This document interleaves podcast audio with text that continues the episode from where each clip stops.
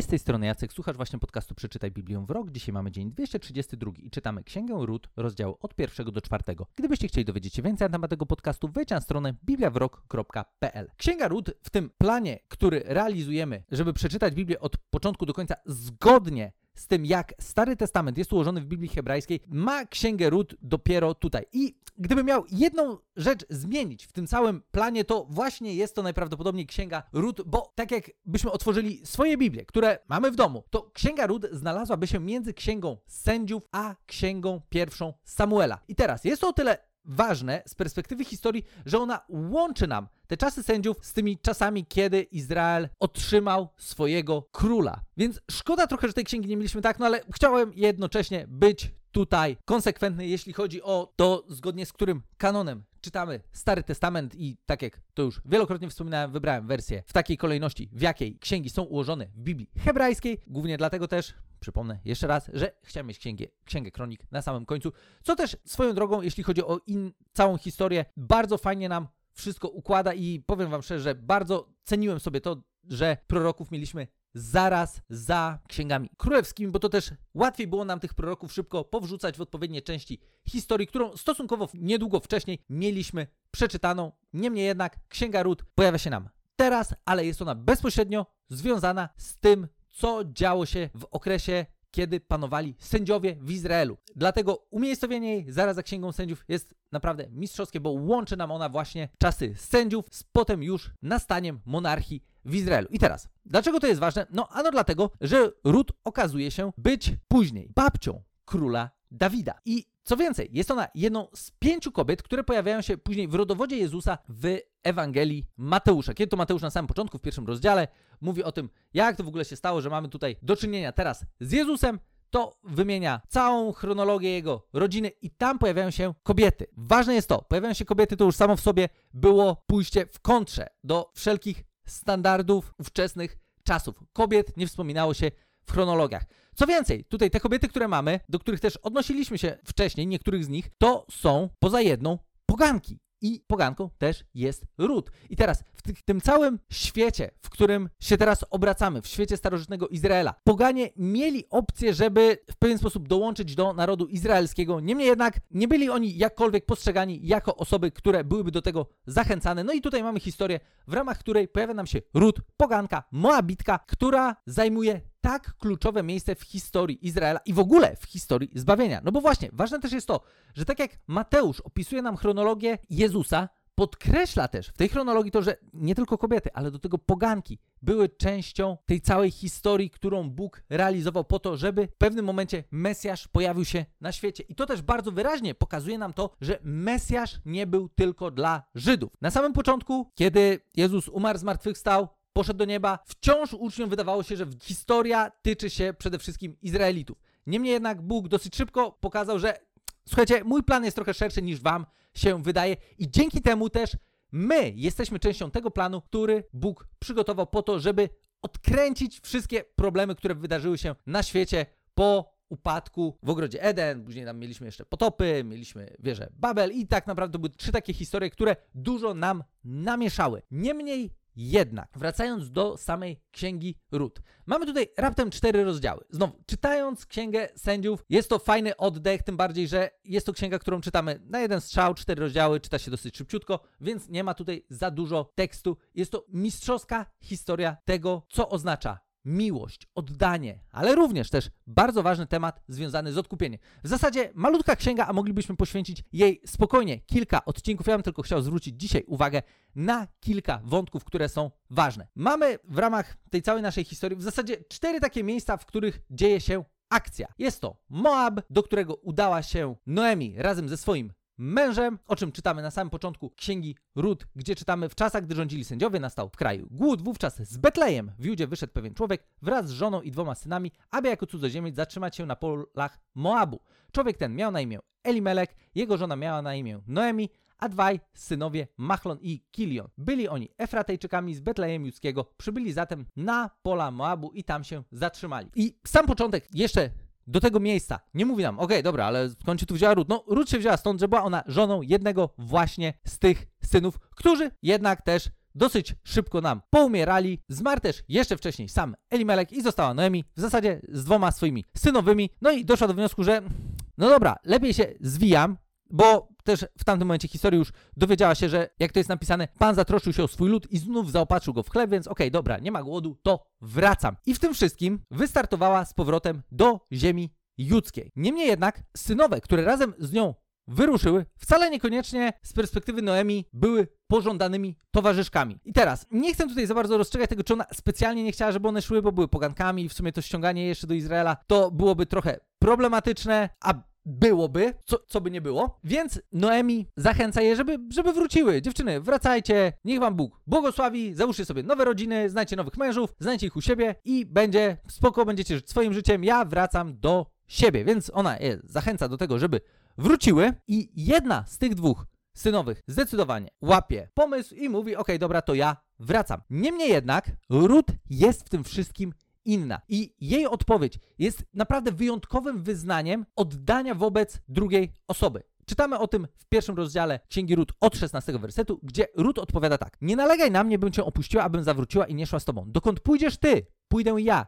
Gdzie ty osiądziesz i ja osiądę. Twój lud będzie moim ludem, a twój Bóg moim Bogiem. Gdzie ty umrzesz, tam ja umrę i tam złożą mnie do grobu. Niech Pan postąpi ze mną choćby najsurowiej, tylko śmierć oddzieli mnie od ciebie. I dalej czytamy, że gdy Noemi zobaczyła, że Rut tak obstaje przy tym, żeby iść razem z nią, przestała ją przekonywać. Ruszyły obie i dotarły do Betlejem. Niemniej jednak mamy nagle dwie wdowy w Betlejem z powrotem. No i znowu jest problem, no bo status wdów w tamtych czasach był delikatnie mówiąc kiepski. Nie miały one za bardzo opcji na to, żeby zadbać jakoś sensownie o swoje, o swój byt, o utrzymanie, więc Ruth, będąc zaradną babką, mówi do Noemi, że słuchaj, pójdę na pola i będę zbierać kłosy, co jest też bezpośrednio związane z tym, że znowu, być może pamiętacie, być może nie, w Starym Testamencie było konkretne prawo związane z tym, w jaki sposób powinno się mm, kościć swoje pola i zostawiać też potrzebującym część zboża po to, żeby oni mogli z tego skorzystać. I z tego właśnie tutaj chce skorzystać ród, więc ona idzie na czyjeś pole, zaczyna zbierać kłosy, które gdzieś tam zostają i okazuje się, że to pole to jest pole gościa, który nazywa się Boaz.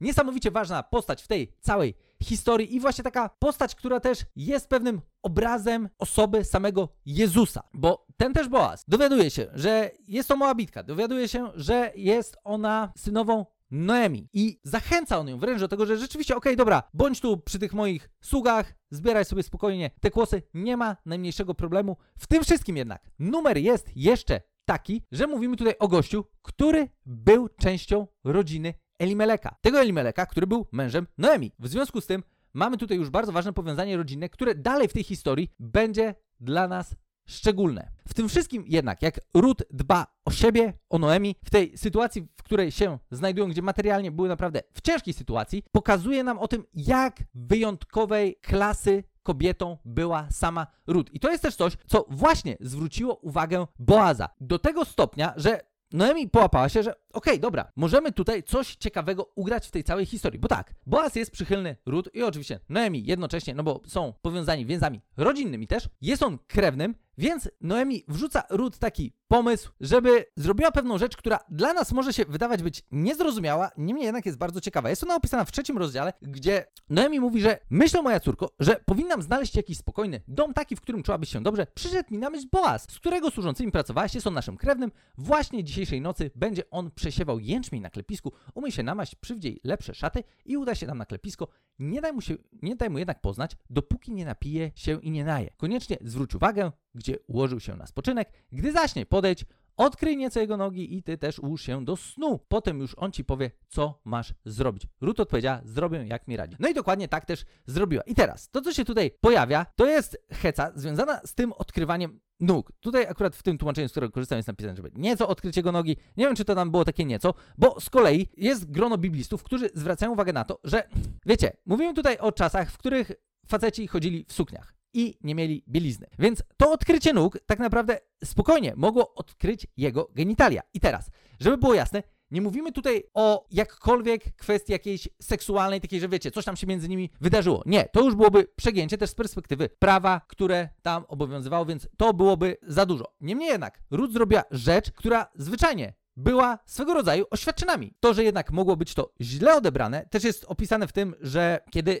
Boaz, który, no właśnie, chłop pojadł, popił, poczuł się radośnie, jak to jest napisane w siódmym wersecie, położył się, Rut zrobiła dokładnie to, co miała zrobić, czyli odkryła jego nogi, położyła się koło niego, no i w końcu chłop się budzi, obraca się, patrzy, okej, dobra, tu jest młoda dziewczyna, która na pytanie, kim jesteś, przedstawia się, jestem Rut, twoja służąca, odpowiedziała, rozciągnij płaszcz nad swoją służącą, proszę, bo jesteś dla mnie wykupicielem. I ta historia związana z tym wykupicielem jest bardzo kluczowa, jeśli chodzi o całą księgę Rut. Boaz Mówi tak, o niech ci błogosławi Pan, moja córko, powiedział Boaz, ten drugi dowód twojej łaskawości jest lepszy niż pierwszy, bo nie szukałaś młodych mężczyzn, biednych czy bogatych.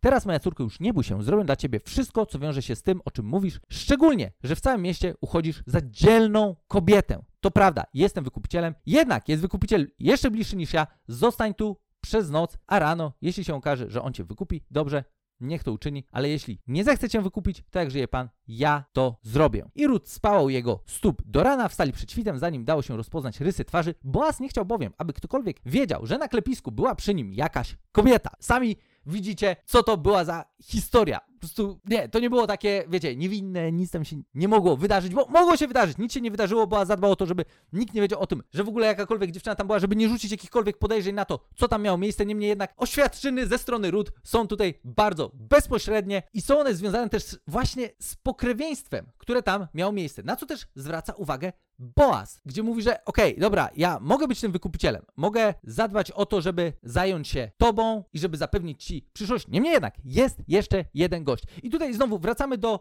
historii związanych z tym, w jaki sposób funkcjonowało się w tamtych czasach. Jeżeli zmarł chłop, zostawił wdowę, no to najbliższa osoba w linii powinna była tę wdowę poślubić, żeby zachować ciągłość rodziny tego zmarłego już męża. Więc był jeszcze jeden taki gość i Boaz rozgrywa to mistrzowsko w czwartym rozdziale gdzie znajduje gościa, umawia takie bardzo już oficjalne spotkanie, znajduje gościa i mówi, słuchaj, sytuacja jest taka, że Noemi wróciła z Moabu, chce się zbyć praw do pola, które należało do naszego brata Elimeleka, więc słuchaj, no chciałem ci dać znać, że jest taki deal z tym polem. Może się oczywiście przejąć, nie ma najmniejszego problemu, ale jeśli nie, no to daj znać, no bo chciałem wiedzieć, co po prostu dalej robimy z tą całą sytuacją. No i gość mówi, no dobra, to ja wykupuję to pole, nie ma najmniejszego problemu, biorę się za to. Dobry deal. I tutaj Boaz mówi, dobra, tylko jest taki mały haczyk, bo w ogóle to jest jeszcze, e, jest, jest jeszcze jedna osoba, która w tym całym dealu jest ważna, a mianowicie Ruth, która to była żoną też syna naszego brata. W związku z tym, jeżeli miałbyś wykupić to pole, no to też rzecz jest taka, że w dniu nabycia praw własności od Noemi i od Moabitki Ruth, wdowy po zmarłym, będziesz zobowiązany zachować imię zmarłego na jego dziedzicznej posiadłości. Co wiązało się z tym, słuchaj, musisz się hajtnąć z ród. No i wtedy gość, z uwagi na to, że nie chce tam mieszać ze swoim dziedzictwem, mówi, dobra, rezygnuję z tego. Więc Boaz w ten sposób prowadzi do ubicia transakcji, w ramach której staje się on właścicielem pola, co ma najmniejsze znaczenie w tej całej historii, poza kwestiami stricte formalnymi, ale staje się on mężem ród. I to jest bardzo ważne. Z jednej strony Mówimy tutaj znowu o czasach, kiedy w ogóle poganie w społeczności Izraela to, to, to, nie było jakkolwiek bonusowe. To za bardzo nikomu nie pomagało. To nie było coś, co mogło postawić tych pogan w jakkolwiek dobrej sytuacji. Niemniej jednak prawo wyraźnie wskazywało na to, żeby takich pogan traktować dobrze, jeżeli oni zdecydują się na to, żeby być częścią Izraela, żeby przestrzegać praw i tak dalej. Co Rut dokładnie zrobiła w momencie, kiedy Noemi chciała jej wytłumaczyć, żeby po prostu zwróciła się z powrotem do swoich rodaków, żeby znalazła sobie męża u swoich, ona w tym tekście, który przeczytałem wcześniej, okazała niesamowite oddanie i podkreśla też to, że ona chce, żeby ten Bóg, który jest Bogiem Noemi, stał się też jej Bogiem. Co też w pewien sposób wprowadziło ją do społeczności Izraela, a to w jaki sposób funkcjonowała, jak zadbała o Noemi, jak zadbała o siebie, pokazało też, że jest ona naprawdę wartościową kobietą, która kieruje się w swoim życiu naprawdę wysokich lotów wartościami. I to doprowadziło do tego, że Boaz zwrócił na nią uwagę, kiedy ta w taki, może dla nas niecodzienny sposób oświadczyła się Boazowi, ten zdecydował się doprowadzić sprawę do końca, przejął pole, co umożliwiło mu to, żeby poślubić jednocześnie Rut. I tak też stało się, że Rut stała się częścią genealogii Jezusa, bo oto Boaz, który poślubił Rut, miał z nią syna, który to syn miał na imię Obed, był on potem ojcem Jesaja, któremu z kolei urodził się Dawid, o czym czytamy 17 wersecie Księgi Rut. Księga naprawdę ciekawa, pełna w ogóle takich różnych kulturowych wątków, na które warto byłoby zwrócić uwagę. Niemniej jednak to, co w niej jest szczególne, to właśnie to. Z jednej strony poganka wchodzi do genealogii późniejszego Mesjasza, co też umożliwia w ogóle to, że właśnie poganie mogą stać się częścią Bożego planu. Pokazuje nam to też jednocześnie to, że to wcale nie było tak, że Bóg po prostu wszystkich pogan skazywał na jakieś, nie wiem, potępienie, nie ma was po prostu, nie chcę was widzieć. Nie, była absolutnie opcja do tego, żeby poganie zwrócili się w jego stronę, gdzie Rut jest tylko jednym z przykładów takich właśnie osób, zdecydowanie nie jedynym. No i w tym wszystkim jest postać Boaza, znowu, o której pewnie można by było zrobić osobny odcinek, który to jest obrazem tego, w jaki sposób to później Mesjasz wykupi ludzi, po to, żeby mogli stać się oni taką dziedziczną własnością Boga, który ich stworzył, który przygotował plan i którego to planu częścią każdy z nas może dzisiaj się stać. Mam nadzieję, że Księga Ród dla Was była wartościową lekturą. Mówię, szkoda trochę, że czytamy ją dopiero teraz, a nie wcześniej. Niemniej jednak jest ona bardzo ważnym łącznikiem też w tej całej historii. I po to też zresztą najprawdopodobniej została napisana, żeby połączyć nam właśnie tą historię, co się działo między sędziami, jak to się stało, że tam nagle pojawił się Dawid, skąd ten Dawid się wziął, bo tutaj już widzimy też, skąd Dawid się wziął, co jest bardzo ważne z perspektywy całej historii. Tyle z mojej strony na dzisiaj. Mówię, można by było pewnie dłużej porozmawiać, może będzie do tego jeszcze okazja, może w kolejnym roku, może przy jakichś innych specjalnych odcinkach. Niemniej jednak Ród jest bardzo ciekawą księgą, króciutką, łatwo ją przeczytać i pokazuje niesamowicie to, co to znaczy prawdziwe oddanie. Z jednej strony postać samej Ród jest fantastycznym wzorem dla każdego z nas. Z drugiej strony Boaz jest bardzo ważną postacią, która pokazuje nam to, w jaki sposób Bóg już wtedy przygotowywał plan tego, jak to Mesjasz też ma odkupić ludzi, którzy znaleźli się pod mocą nieprzyjaciela, po to, żeby mogli z powrotem stać się częścią, no właśnie, Bożej rodziny. Gdybyście mieli jakieś pytania, chcielibyście dowiedzieć się czegoś więcej, wejdźcie na stronę bibliawrok.pl lub możecie też do mnie napisać na adres jacekmałpa.bibliawrok.pl i do usłyszenia w kolejnym odcinku.